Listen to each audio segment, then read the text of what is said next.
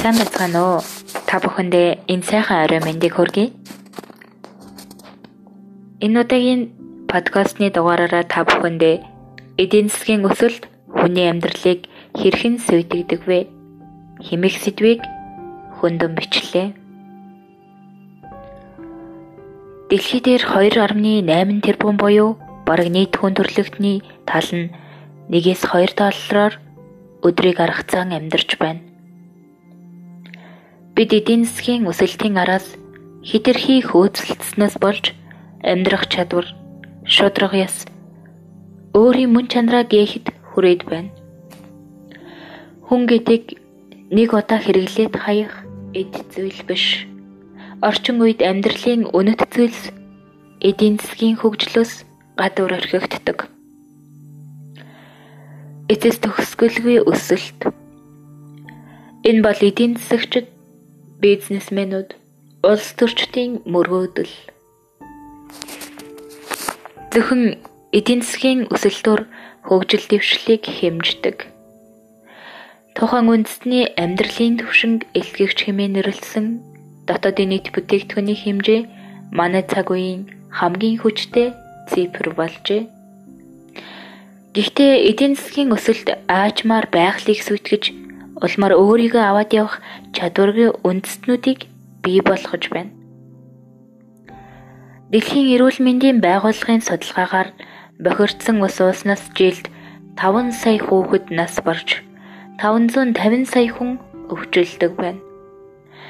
Харин хөгжингүй орнуудын том хотын оршин суугчид өдөрт 300-аас 500 литр ус хэрэгэлдэг ажээ.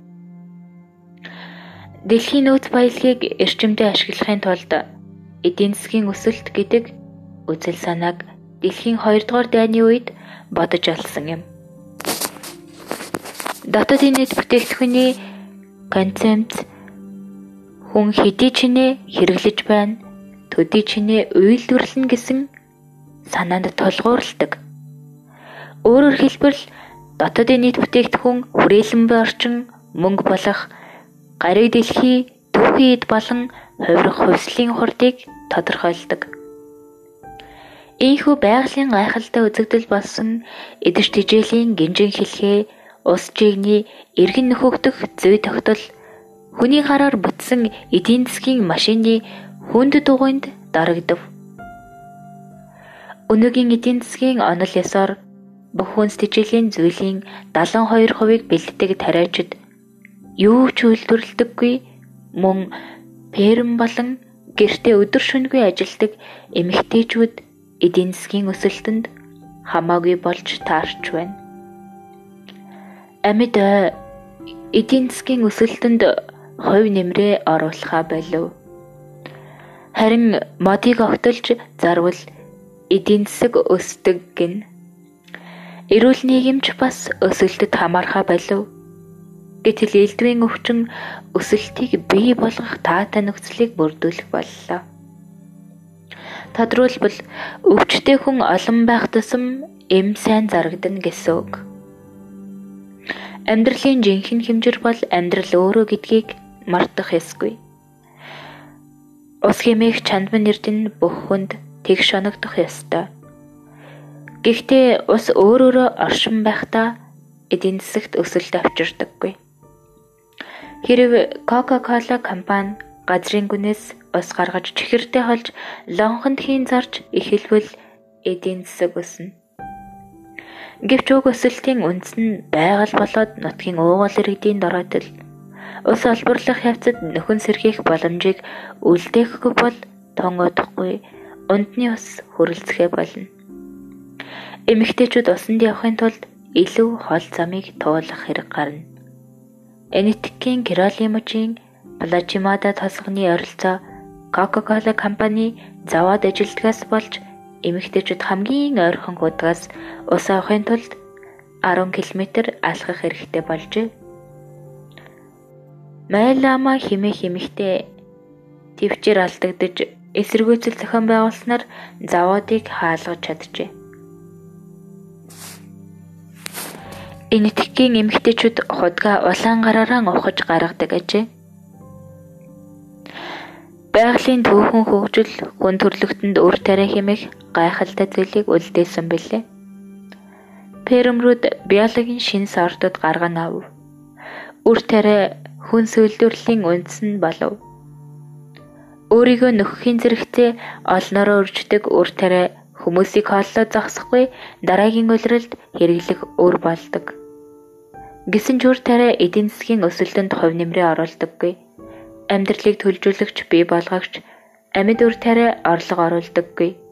Харин үр тариаг патентжуулж генийн бүтцийг нь өөрчилж компаниуд борлуулсан цагт л эдийн засгийн өсөлтийн тухай ярьж болно. Байгаль ядуурч биологийн олон төрөл зүйл устж өгөө болов. Бүгдэд нээлттэй үнгүй байх ёстой нөөц баялаг патентчлагдсан түүхийд болон хувирв. Суулга зүрхний жил бүрийн худалдан авалт энэтхэгийн ядуу тариачдыг дааж давшгүй өрн дунгав.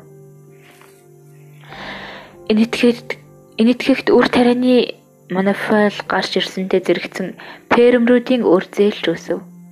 1995 оноос хойш үрийн занганд орсон 270 мянган энэтхэгийн фермерч амиа хорлжээ. 1974 он Америкийн нэгдсэн улс дахь экологийн сүрэг нефтийн хаягдал хасгадаг энэ цөврөм дунсан амтан болгон ам үлдэх найдваргүй. Төрийн бүтэц ховжлогдохын хэрээр ядуурл хүрээгээ тэлсээр байна. Улсны хангамж, гэрэл цахилгаан, эрүүлийг хамгаалах боловсролын салбар, ховчлол, үйлдвэр эрхлэгчдийн орлогыг өсгөж буй учраас эдийн засаг өсөж байна гэж үздэг. Гэвч бусад хүмүүс цаанаасаа үнгүй байх ёстой зүйлд их мөнгө төлснөс ядуучуудын тоо олширсаар байна. Амьдрал нөлөөлөх бүх хүчин зүйл арилжааны ашиг болох үндэс болоод ирэхээр амьдрал улам үнэтэй хүмүүс улам ядуу болдог. Эдийн засаг, экономи, эколог, экологи гэсэн нэр томьёонууд ижил үндэстэй бөгөөд хоёулаа грек хэлний айкос буюу өрх гэрийн аж ахуй гэсэн үгнээс гаралтай. Эдийн засаг өрх гэрийн аж ахуй дээр тогтдог байхдаа байгальтай илүү ойрхон байж хүрээлэн борчинд нөхөн сэргээгдэх боломжийг үлдээдэг байлаа. Тэр үед эдийн засгийн гол зорилго нь хязгаарлагдмал нөөцийн хүрээнд бүх бүх хүний амьдралыг тэтгэхэд оршин байв.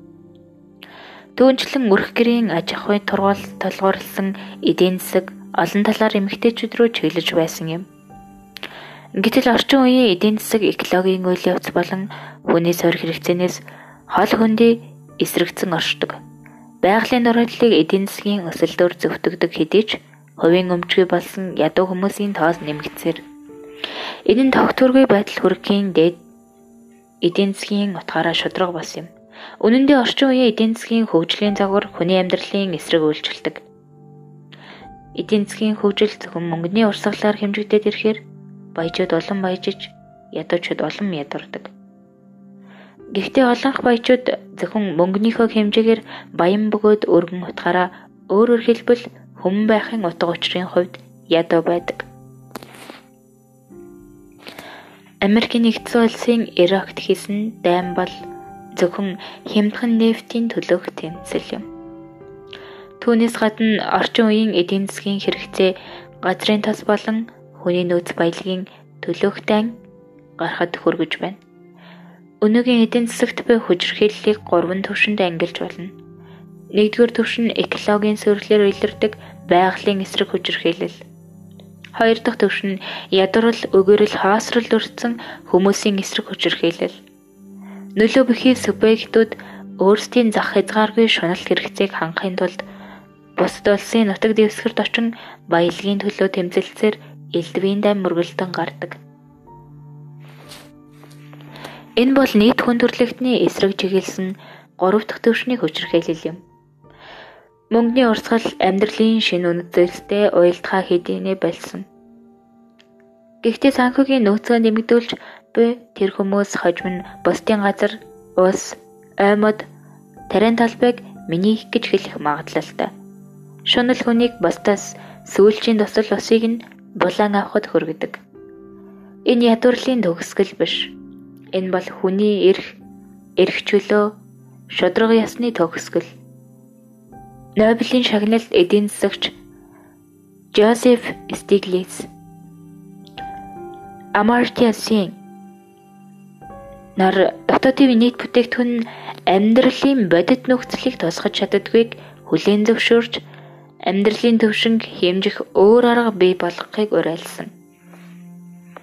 Тиймээс Ботан зэрэг улс орнуудад үндэсний нийт бүтээгдэхүүн гэдгийг гэдгийн оронд үндэсний нийт аз жаргалтай хүмүүс гэсэн ойлголт бий болгох санал гарчээ. Эцэст нь хэлэхэд амьдралын жинхэнэ хэмжүүр бол амьдрал өөрөө гэдгийг мартчихгүй. Анхаарал тавьж сонссон та бүхэндээ баярлалаа.